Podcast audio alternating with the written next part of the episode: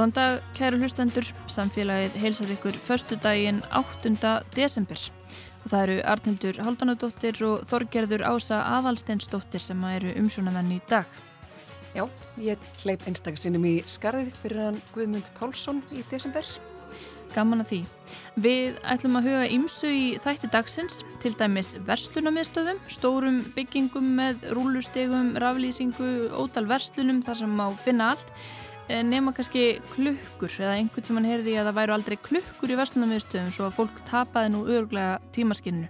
En við ætlum að skoða eina ákveðna verslunarmiðstöð þá eldstu á Íslandi, Kringluna, taka púlsinn á Baldvinu Snælóksdóttur markastjóra Kringlunar, ræða um jólaverslunina og bara framtíð verslunarmiðstöða almennt.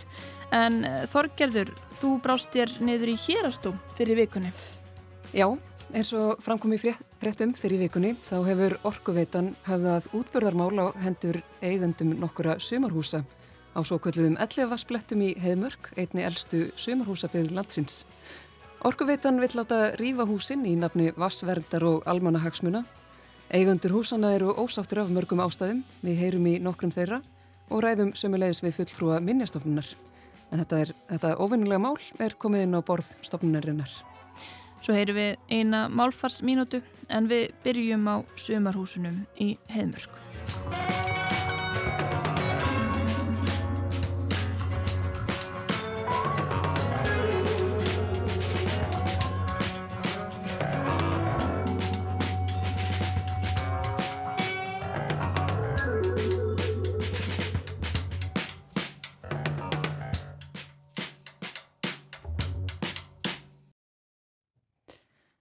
Ég brá mér niður í hérastóm fyrir vikunni og heyrðaðins hljóðið í nokkrum eigundum sumarhúsa í Heðmörk sem að vonum taka útbörðarkröfu orkuveitunar ekki af nefni léttúð. Heyrum í þeim áðurum við ræðum við tvo fulltrúa frá Minjastofnun. Nei. Er þetta tímyndur yfir eða?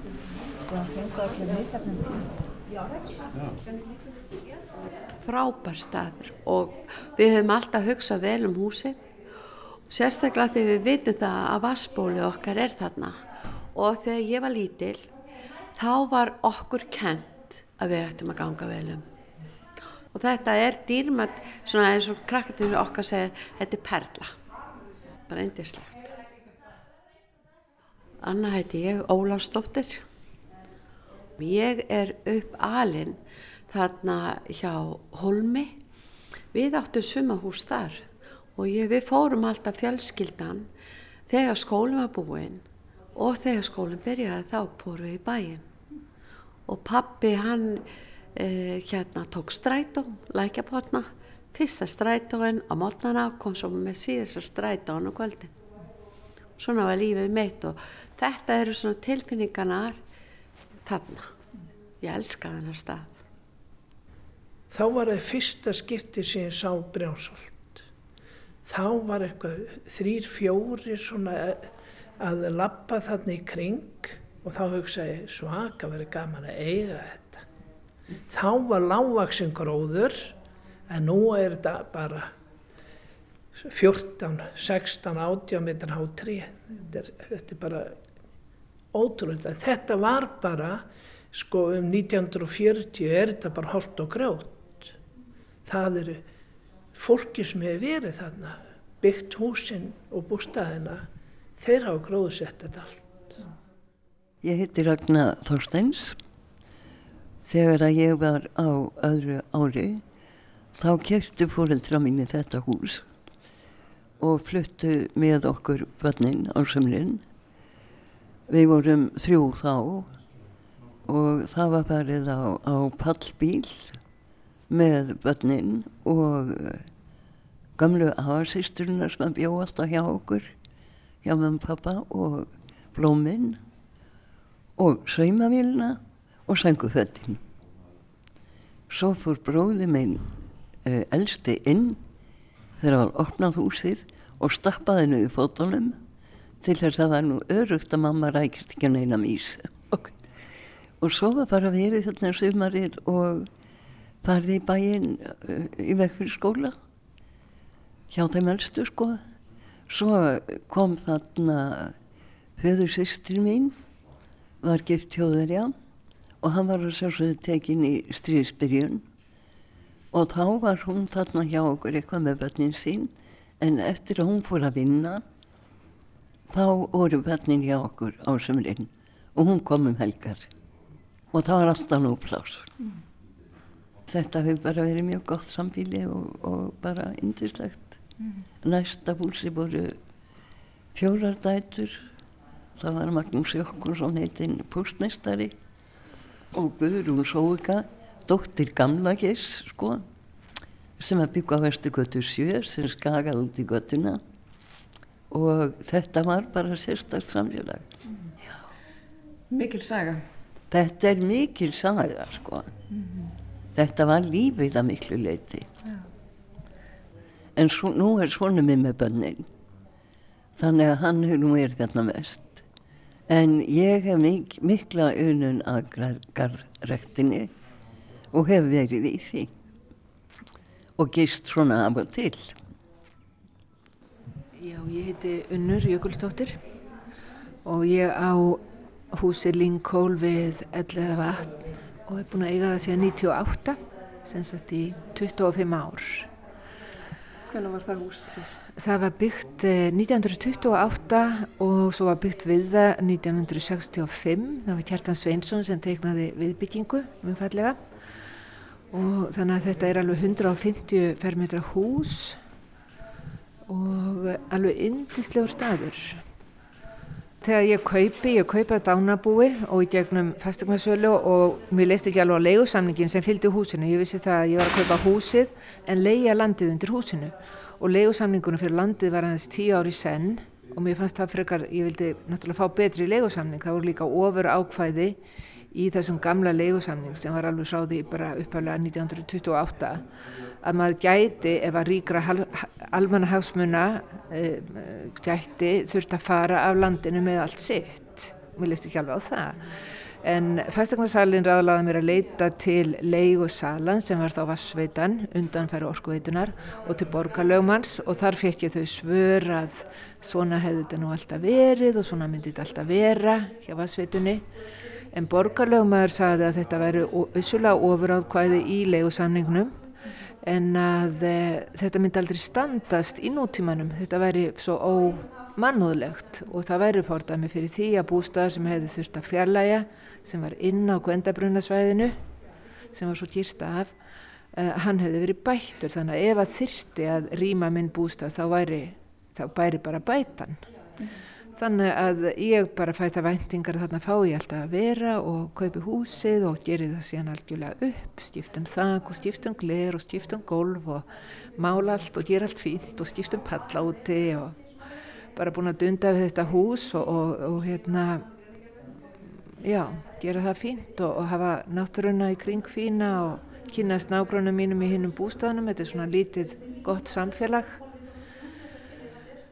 Þannig að svo fer svona að syrta í álinn sem sagt eh, Vassveitan og Ramasveitan verða orkuveitunni og þau byrja að, að, að vilja stitta legusamningun upp á 2005 og 2012 að þá sendaði okkur bóðum að nú munið er ekki framlengja lengur. Þannig að þá stofnaði við félag og erum búin að vera í baráttu með ýmsa lögfræðinga síðan. Þetta hefur tekið mjög á og sumir eru bara orðin veikir og gamlir og hafa gefist upp. En við erum hittan svolítið kjarni sem höldum áfram að berjast og Núna er svona vonarglæta að minnjastofnun hefur fengið áhuga á svæðinu og sér bara menningarlega verðmæti í því. Þannig og svo erum við komið með frábæran lögumann.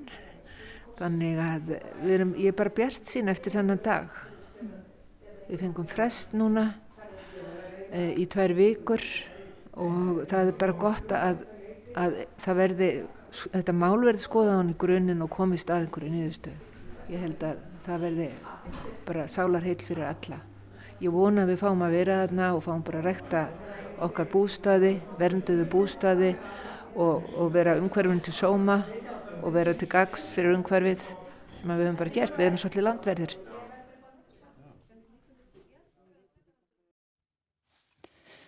Við herðum hér í nokkrum eigendum sumarhúsa á elliðavarsblettunum í Heðmörk sem Orkuveitan hefur krafist útbyrðar á og hyggst rífa húsin Eins og heyra má er þetta mikið tilfinningamál fyrir eigundurna og ríksaga sem tengist þessari sumarhúsabíð.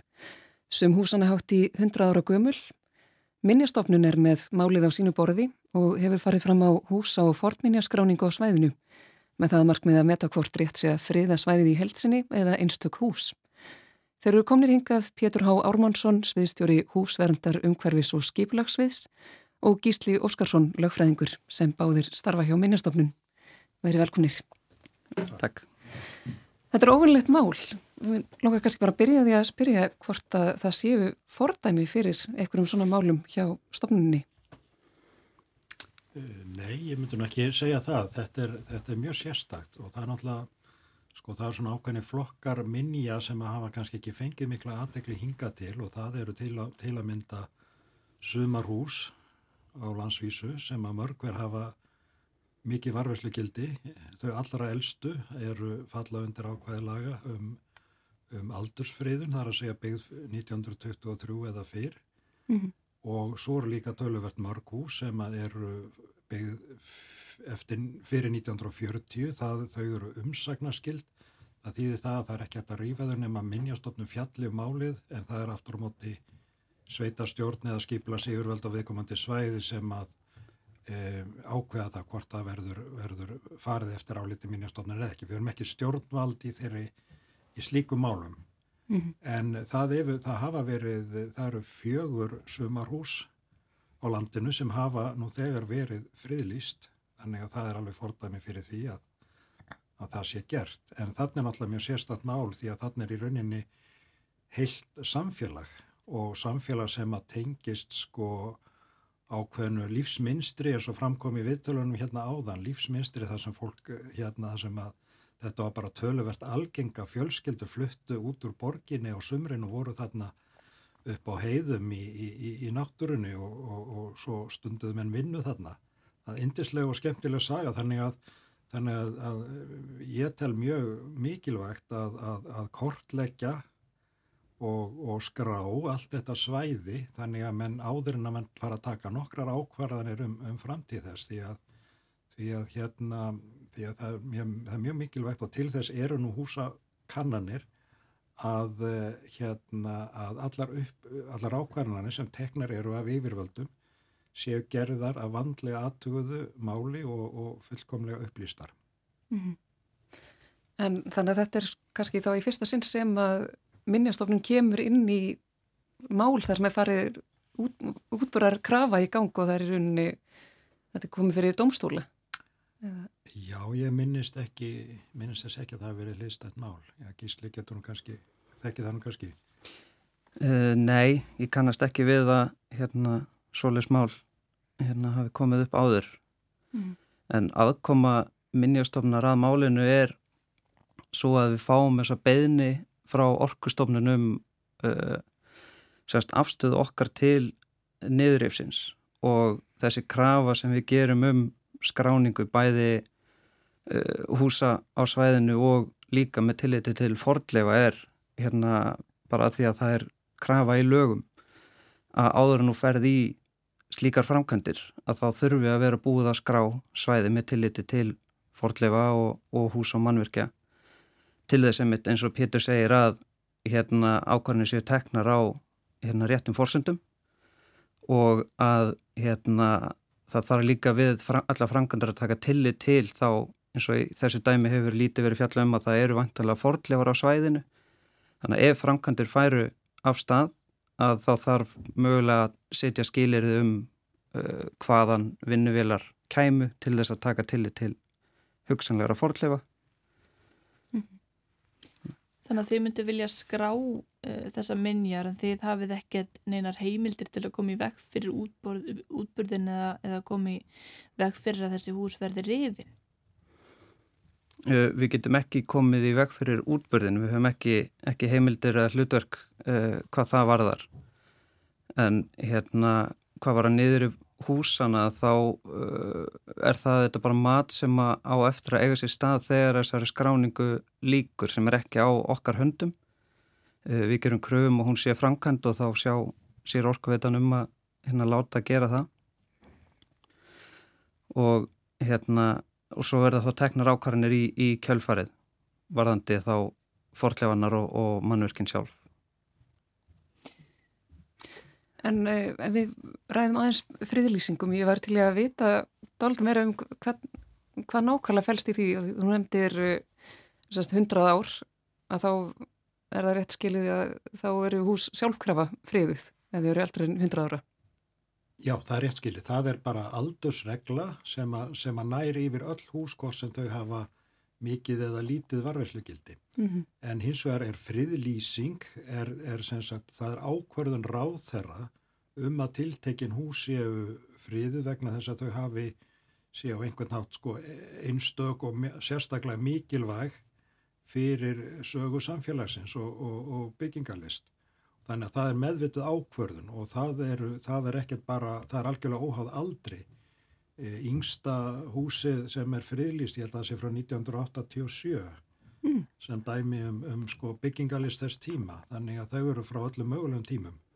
En, en það er sem sagt það, var, þetta var eiginlega upphafið á, á, á, á hérna, friðunar aðgerðum hér á landi að þá, þá var það, það ráð þeirra stjórnvöld sem að ákvaðu það að tiltekin hús væru, væru sérstaklega mikilvæg og þau eru friðlýst. Þannig að það er svona, ef maður segir efsti flokkur húsvendar á Íslandi. Mm. Þannig enginn af þessum húsum í heimörk eru fríðlýst eins og er, en það er til skoðunar? Nei, sko, það eru, það eru allavega, ég þekk, nú er, nú erum við eftir að fá all gögnin, þannig að það er kannski gott að segja sem minnst um það, en við vitum samt að það eru að minnstakortið tvö hús aðna sem eru byggð fyrir 1923 og eru þar að leiðandi nú þegar friðuð og það eru fleiri, nokkur hús í viðbót sem eru byggð fyrir 1940 þar sem við þurfum að fjalla um það.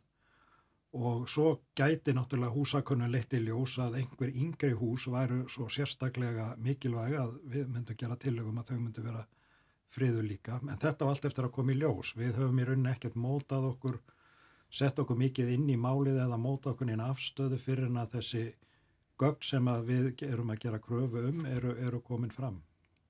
Mm það er vendarlega sko víðar getur maður ímynda sér sumarhús og uh, sumarhúsa hverfi á svona leigu lóðum, þannig að þetta er kannski eitthvað sem gæti komið upp aftur og, og, og oftar í, í framtíðinni að, að hérna, það verður krafa um að, að bústaðir viki af, af svona leigulóðum.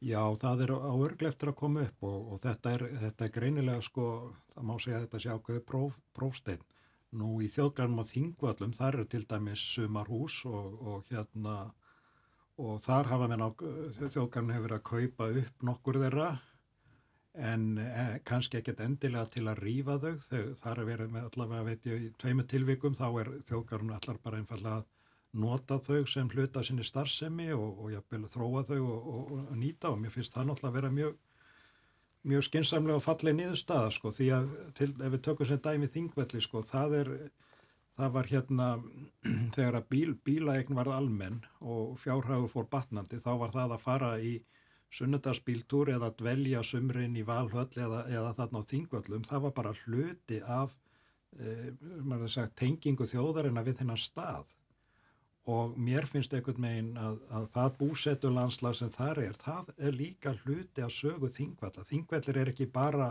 einhver náttúra og svo einhver fornaldarsaga sem að útlendi túrista koma og skoða og allt, allt annað, all ummerkjum um 20. stöldina þurkuð út. Það er ekki, ekki þingvallir eh, sem að, sem að gefur rétt að mynda sögu staðarins fyrir þjóðina.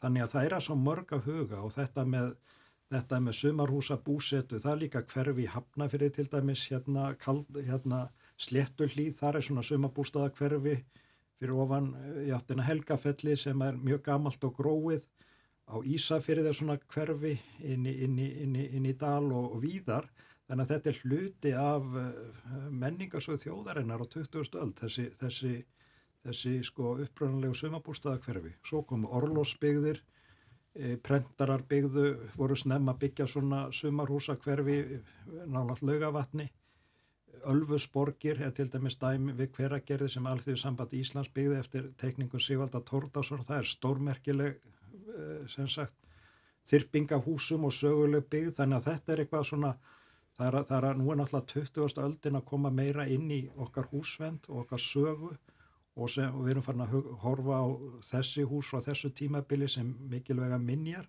þannig að þetta er kannski bara hluti af ákveðni þróun. Mm -hmm. Og nú til skoðunar að friða annarkort einstaka hús eða hverfið í heilsinni. Getur þú sagt mér, eru þetta fordami fyrir því að hverfi í heilsinni hafi verið friðlýst áður að, þó að húsin séu miskumil? Þá út frá menningararfi, mér vil langar að vita hvað, Já, sko, hvernig metur maður menningararfin? Það er, það er í, í lögum með menningarminjar þá er ákvæðu um að það með friðlýsa svæði, er það ekki rétt gísli? Jú, svona svæði sem mynda samfélta held uh, menningarminja og í lögunum er líka fjallað um svo kallað menningarlandslag eða búsitu landslag uh, sem getur þá verið svona blanda svæði bæði forlegar og uh, hús og mannverki og það eru dæmi um það að Eh, menningar landslag hafi verið eh, friðlýst en ekki, ekki sambarlegt þessu máli, ekki svo ég þekki til. Nei, það er, það er bæjartorfan og kvanneri, gamla bæjartorfan þar, ásamt um, landbúnaðar minnjum, þarna svæðinu fyrir neðan, alveg niður að kvíta á. Það er eiginlega, eiginlega svona kannski stærsta friðlý, heldar friðlýsingssvæði, það sem er bæði sem sagt hús og, og vegir og allt sem því tengist. Það er, það er svolítið svona farið inn á nýja brautin og það er eitt af í einu, einu, einu af þessum fjórun sumarhúsum sem voru, hafa verið friðlýst, þá var það í lögall lóðin með, það var gróðurhús og fleira sem að fyldi með, það var sumarhúsi Fívilbrekka fyrir ofan, ofan hveragerði sem að var sem að Jónas Jónsson frá Hriblu stjórnmálamadur byggði og var hans eina hús sem hann egnaðist um æfina. Að, en, en það er ekki mörg fleiri dæmi en hins vegar eru sko lögum verndasvæði byggð. En þar kemur frumkvæði svolítið frá sveitafélagunum að, að hérna og eitt af fyrstu dæmunum um, um, um svona byggð sem að var venduð á grundvelli þeirra laga er til dæmis Garðakverfið Altanissi.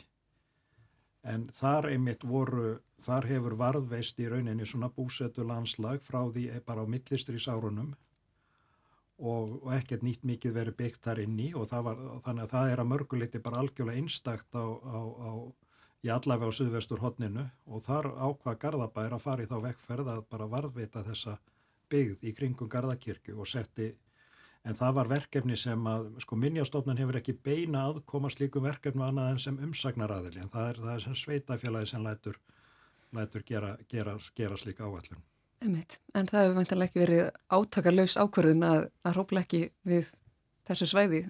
Það gekk, nei, sko þar er ákveðin sérstaða vegna þess að allar, allt landið er í eigu sveitafélagsins. Það var á, mm. þetta voru allt kirkjujarðir, þannig að það var engin, engin, ekkert land sem var í enga eigu. Þannig að það var innfalt í framkvæmd. Mm -hmm. Og þetta eru, já, það eru mismunandi ástarð, það er þetta búsettu landslað sem þið nefnið sem að getur verið ástæða til friðunar og svo ímynda maður sem það eru mismunandi týpur á sumabústöfum, það er þekkir ahísinn og veist, þessi byggingasaga sumabústa, þetta er allt eitthvað sem maður þarf að hugsa um og venda og þeir eru svona farin að hugsa aðeins út fyrir bara e, já, íbúðarhúsnæði og, og húsnæði í borgum og bæjum og þeir eru að hugsa bara, já, þeir eru að hugsa um þetta líka þegar. Jú, jú, við erum að gera það og þetta er, er alltaf, alltaf verið að koma inn svona nýju hluti sem að, sem að menn er átt að sé smá saman á að, að, að, að hafi varfislugildi og þurfa, þurfa að huga að. Einmitt. Og hljómar eins og það sé ekki bara hýð áþræfanlega sem skiptir máli, sagt, aldurinn og, og stílinn heldur að sögundar skiptir máli líka. Sögan, já. Það eru dæmi alveg um það að sko hús sem eru kannski ekkert sérstaklega merk sem byggingalist þannig en hafa mikið tilfinningagildi að það sé ástæða til að varvita þau. Ég meina það sem við herðum í viðtalinu áðan eru náttúrulega lýsir því að þetta svæði, það eru miklar tilfinningar fólks bundnar við svæði þar sem það hefur búið og allt góða stundir heilu fjölskylduna kynnslóðun saman og um, ég held að sko, ég held að í framaldi af, af þessari vinnu, þessari grunnvinnu þá þarf að gera skýpul á eitthvað skonar að þessari, þessari, þessum upp, uppsvæðum Reykjavíkur og þessum, þessum leifum að svona þessum orlóskverfin sem að þarna eru og, og þá þarf að huga því hvernig er, er hérna, hvernig tökum við á þessu og þá þarf að huga þessum, þessu tilfinningagildi svæði sem ekki bara líta svona blákalt á húsin sem slík. Mm -hmm. þurftu kannski að setja upp bara eitthvað sapniða en þetta var sko, þú talar um þess að sögu að fólk fór á sumrin, fór upp í sveit með allt sitt og þarna talaði um að taka sængurfutin og potaplöndunar og, og saumavílina mm. eh, þetta voru miklu stærri svæði þar sem voru svona sumarhúsa byðir og þær eru bara mestu farnar undir þá ný hverfi.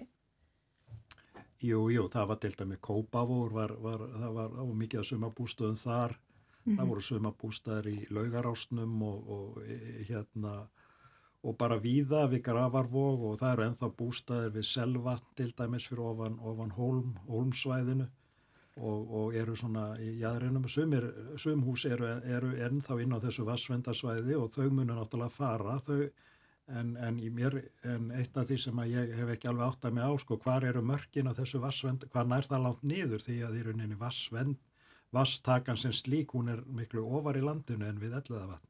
Mm -hmm. Það er einmislegt sem á eftir að komi ljós og, og svona skera úrum í þessu máli. Já. Takk ykkur kærlega fyrir ykkar insýn í þetta áhugaverða mál. Gísli Óskarsson og Pétur Há Ármannsson frá Minnistofnun.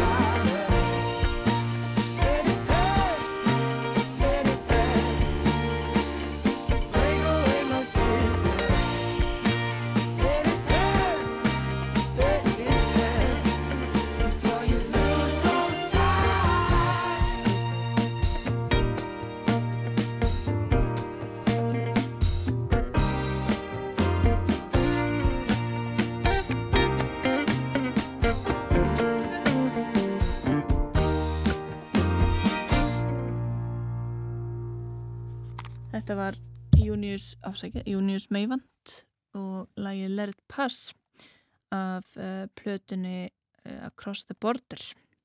En áfram höldum við með samfélagið.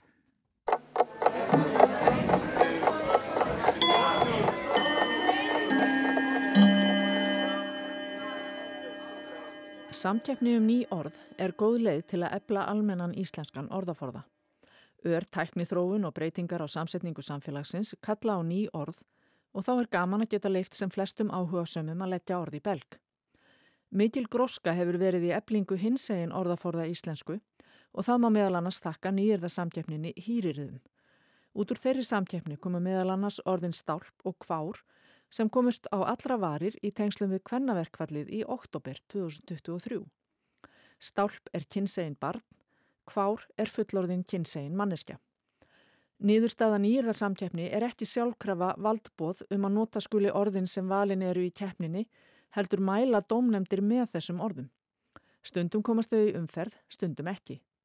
Stálp og kvár eru dæmi um orð sem komist hafa í almenna nótkunn.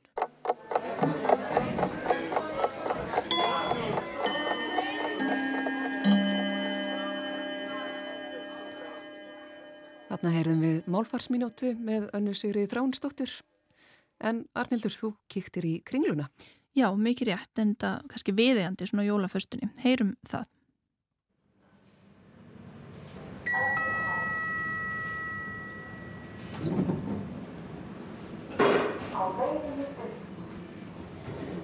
Það fyrir við hérna upp á þriðju hæði norðurturni kringlunar. Það er rekstrarfélag hennar. Ef ég bara hérna, byrði um að, kynna þig. Já, ég heiti Baldvina Snælustóttir og ég er markastjóri í kringlunni. Já. Og við erum hérna í rauninni á skrifstofu rekstrarfélags kringlunar í kringlunni, hérna á þriðju hæðinni.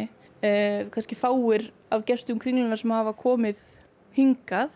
Já, venjulega koma þeir, þeir ekki hingað. Þetta er svona eh, okkar starfstöð, þannig að nei, þeir kom ekki. Hér er ekki til sölu, en hér er sko svolítið mikið af dóti, hér eru fullar innkaupakerrur af leikfengum.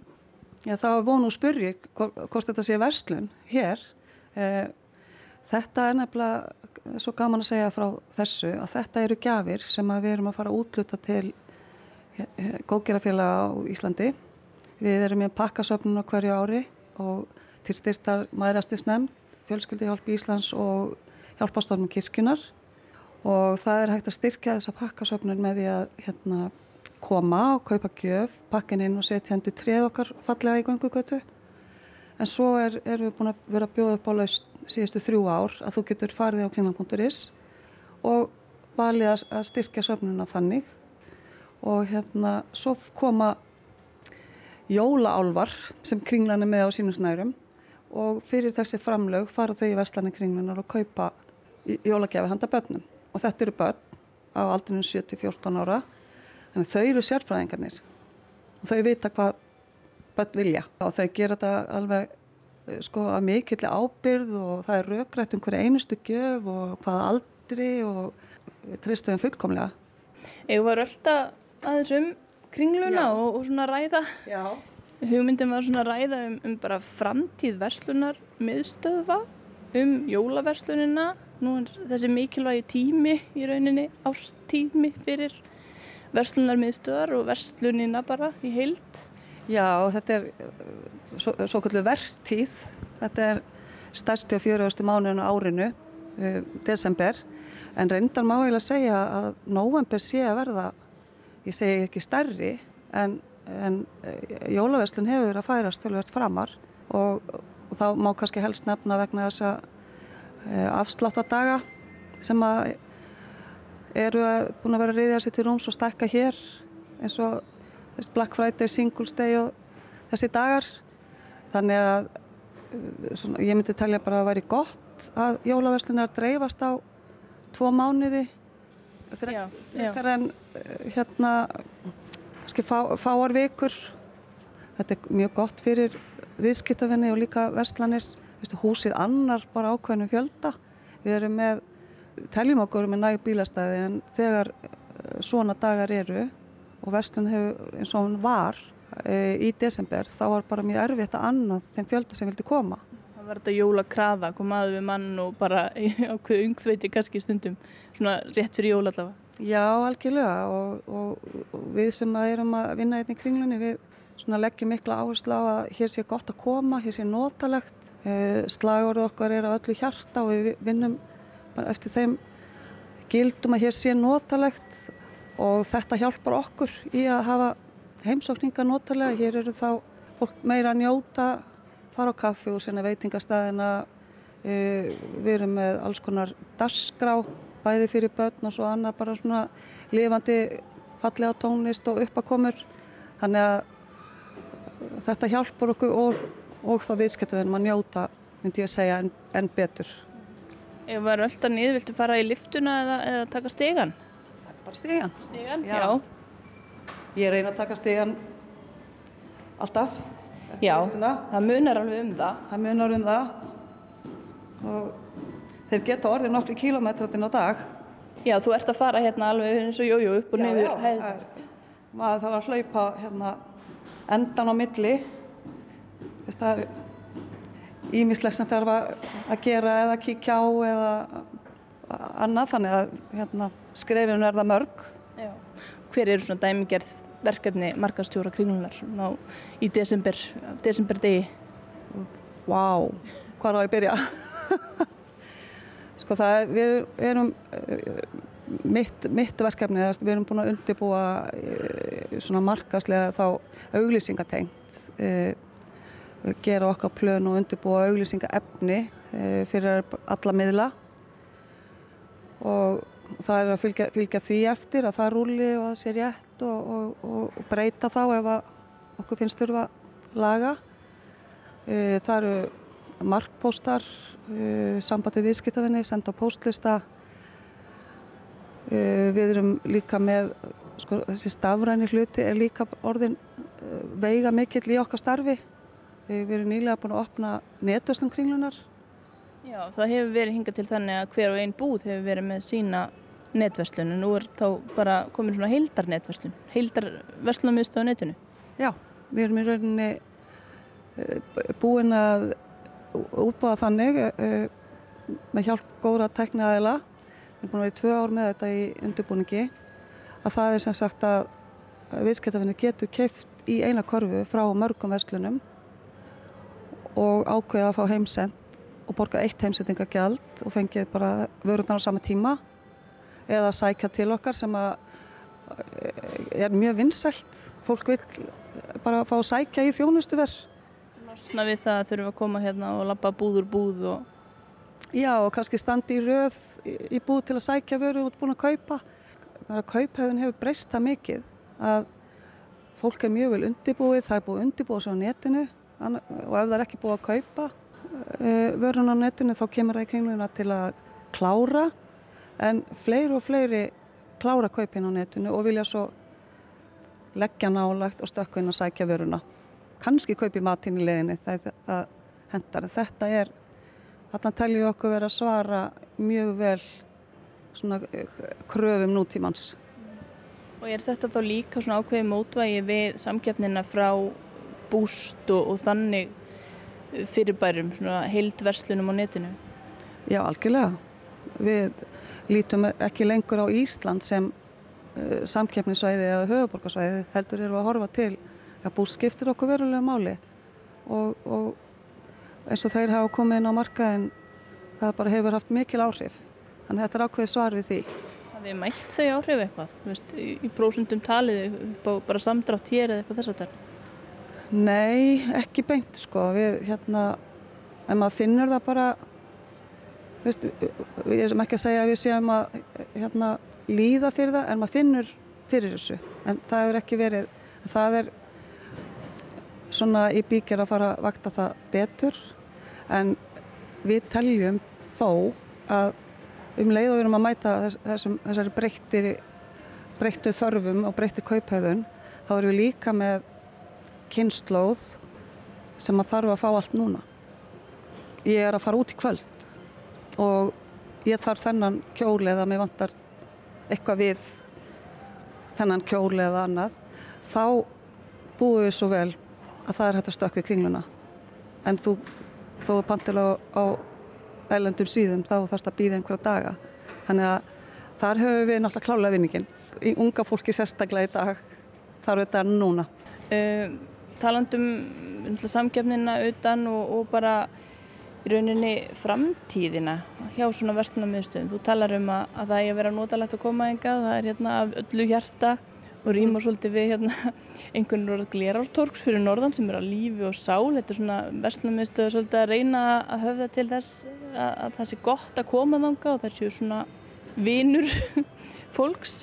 Já, en sko er það nóg og hvernig þurfa þeir að breytast í rauninni til þess að verða ekki bara úrældra þegar nú er umræðin eins og í bandaríkunum að þeim bara hríðfælkar þessum stóru mollum bara á síðustu 20 árum held ég að hafa farið úr sko 2500 niður í 700 þannig að já, það eru vantilega einhverjar ógnir og eitthvað sem þarf að gera til þess að, til þess að halda velli áfram. Já, það, það er sko það sem er að gerast um allan heim það er að svona hlutverk og kannski eðli vestlunumist að breytast. Eh, ég hef nú reyndar sagt það frá því ég byrjaði hérna fyrir tíu árum að ég líti á kringluna sem félagsmyndstöð fyrst og fremst. Auðvitað kemur hérna til að vestla bæði matinn og, og, og sækja ímiskunum þjónustu en þú ert líka að sína þig, þú ert að sjá aðra, það, þetta er svona vina hittingar, við erum miðsvæðis, þetta er svona, já hittumst í kringlunni, það er svona, já bara þekkt, þekktur áfangastæður, þú þarfst ekki að googla eða leita lengi til að vita hvað kringlan er.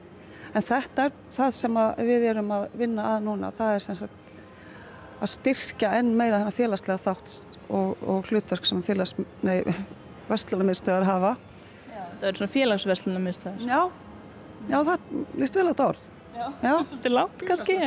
Já, þannig að þau, og við tókum stór skref í þessa átt uh, akkurat fyrir árið síðan þegar að það var heil hæð, uh, hérna á þriðju hæð kringlunar tekin já, og bara straujuð og sett upp matöll. Það var að tala um kúmen sem að tók við af, af stjórnumtorki. Já, stjórnumtorki var e, lokað í sinni mynd og verslunar einingar sem voru, e, ég veit ekki hvort að þú mannst eftir, það var kallað bíógangur, þetta er svona gangurinn sem leiðir að, þig að bíónu. Að, ég mann eftir borgarkringluna öllu sko. Já, já mannst eftir þessu öllu. Og andarungunum. Hæ? Og andarungunum. Já, akkurat. en hérna, já við opnum kúmen, e, það var smíðaður e, bara, hvað ég segja, arkitekta og verkfræðinga afreg að, að byggja sál, nýjan luxusbíásál upp úr þakkinu. Því við gáttum ekki stækka kringluna, það var hann bara, bara, já, stækkuð upp í loft og síðan e, eru plön á næsta ári og þá opni eh, stórt afþrængasvæði þar sem að stjórnumtorg þá var. Já, þeir eru horfa líka til upplifana og þess að draga að með öðrum hætti en bara að fólk komi til að versla. Já, það er akkurat máli og þetta er það, þessi þróun sem að er í gangi um allan heim. Þannig að þú hefur ekkert áhyggjur af því að fólk bara gefist upp á verslunarmiðstöðum og, og verði bara á sófanum heima að versla? Aldrei. Og sérstaklega ekki hérna á Íslandi og með kringluna að því að við erum fyrir marga svona kaupmann á hodninu ellendis þarftu stundum að keira langa leiðir til að fara í vestlunarmiðstöðuna og það er svona dagsferð ákvarðum fjölskylduna í dag fyrir við í mól en hér droppar inn, droppar á kaffjús þú droppar inn til að kaupa í matinn eða sækja vöru sem ást að kaupa á netinu. Við erum búin svo vel hér að kringlan er svona miðsvæðis og það er stutt að skreppa. Þannig ég hef engar áhyggjur. Kringlan á bara bjart á goða framtíð. En, en við þurfum þetta að þróast í takti tíman og þess vegna eru við að þessum já, sinna þessum félagslega þætti og þessum stafræna hluta. Þannig að við erum bara á fulli ferð og bara kringlan ferskar sem aldrei fyrr Hvað með svona gerfigreind og síndarveruleika er það eitthvað líka í kortunum? geta mátað bara í svona síndar hérna, mátunarklefa þetta er einhverju svona framstöfnilega pælingar sem ég ræst á netinu þegar ég var að googla framtíð verslunarmiðstöða Já, ég vildi förum okkur bara ról hérna, hægt í sakirna þar. En minna tækninni flegi svo hratt áfram að, að, að við getum vel verið eitthvað að spá í þetta næstu jól ef við hittumst á uh, Núna er sko, þetta er svolítið skemmtilegur tími til þess að vera í kringlunni.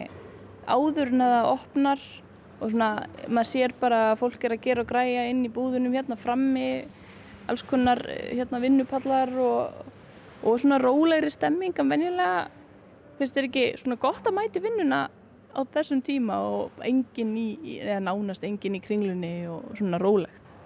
Vist, ég er hreinlega bara að elska það að, að mæta á mótnana og lappa í gegnum kringluna svona í eigilegri þögn. Það er svona lágstemt tónlist, núna jólatónlist og lappa svo fram hjá öllu fallega skrautinu eins og það er núna.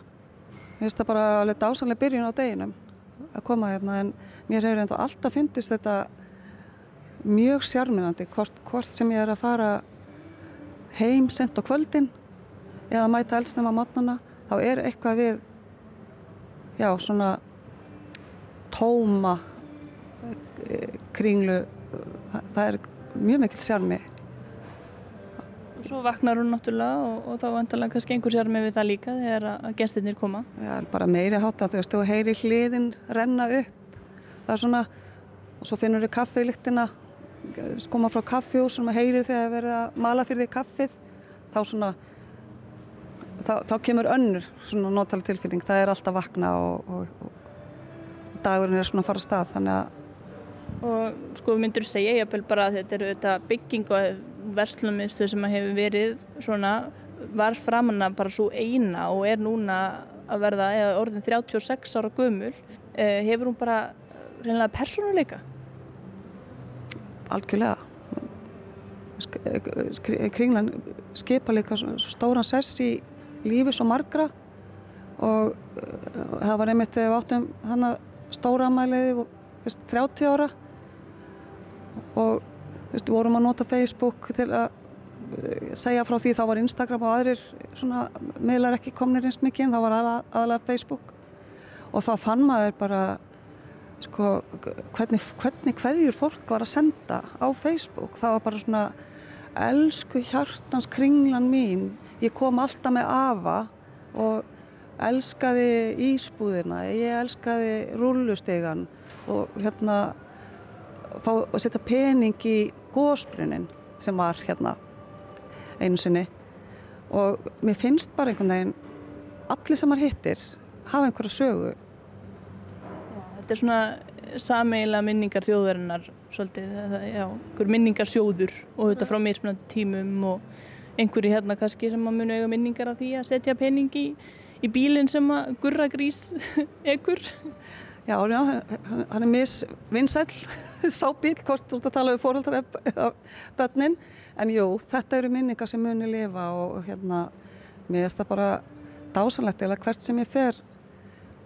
Og þá er einhver góð minning og, og kringlan er á skipar einhvern og þá jákvæðan og hlýjan sess hjá svo ótal mörgum.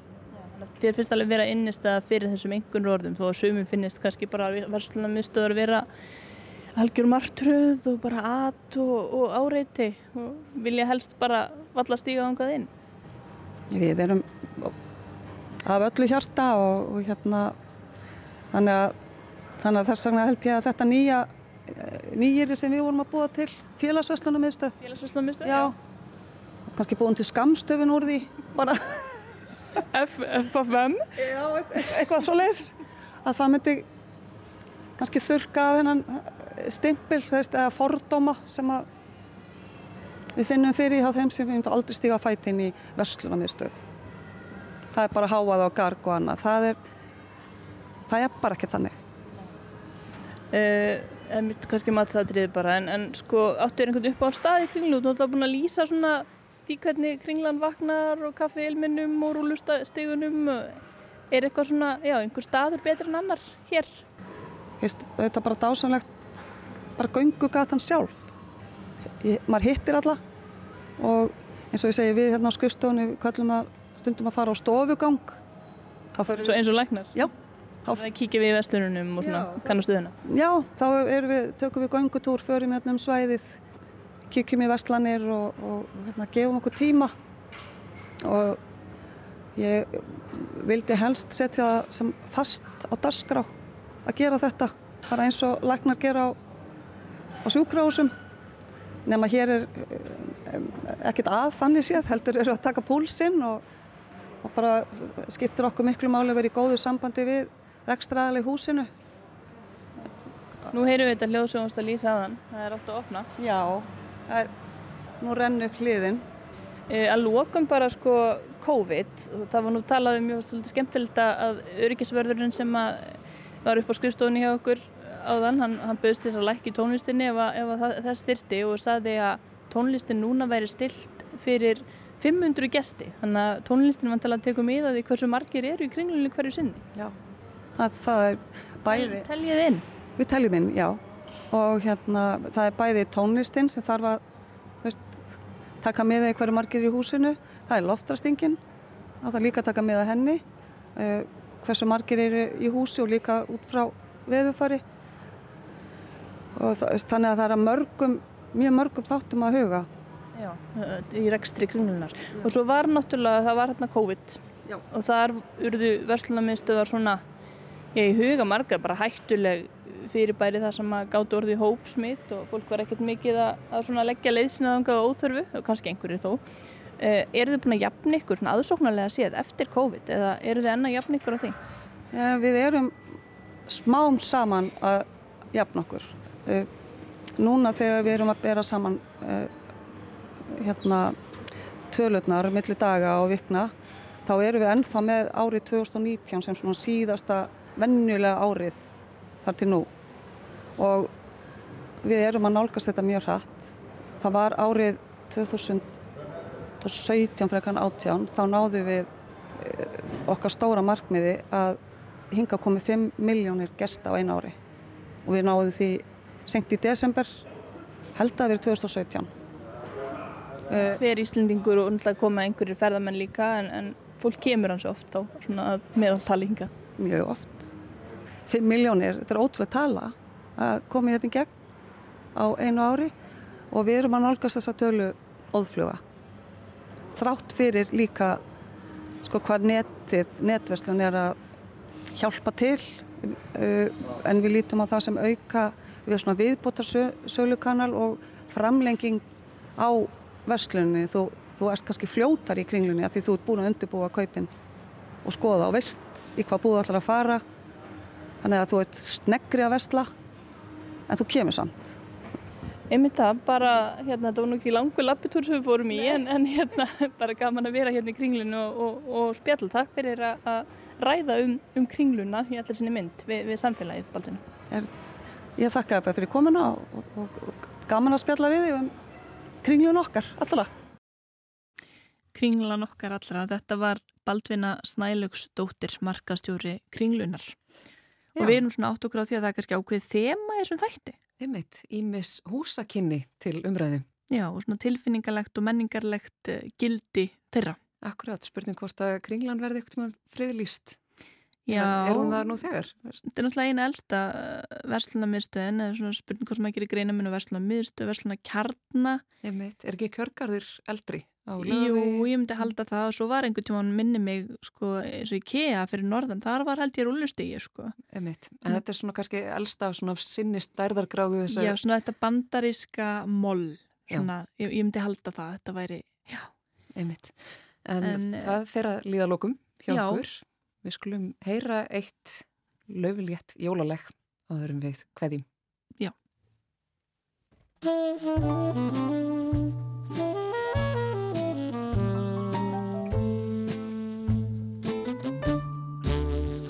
Þarft ekki að vera jólasveið til að fagna jólunum.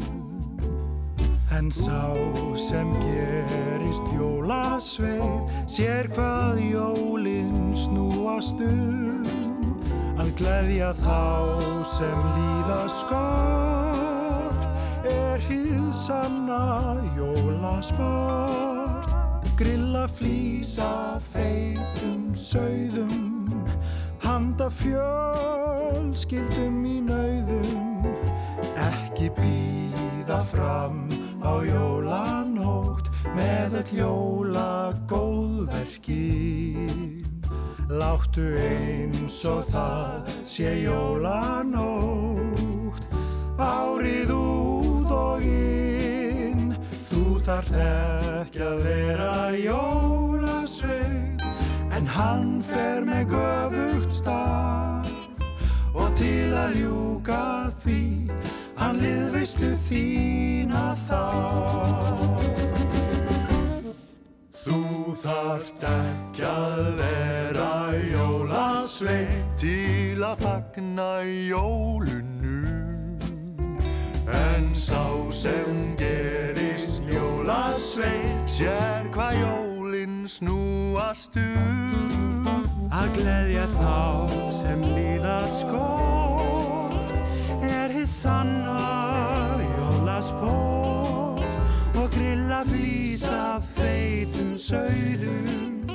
Handa fjölskyldum í nauðum. Ekki býða fram á jólanótt með öll jóla góðverkin Láttu eins og það sé jólanótt Árið út og inn. Þú þarft ekki að vera jólasvein En hann fer með göfugt staf Og til að ljúka því Hann lifist þau þína það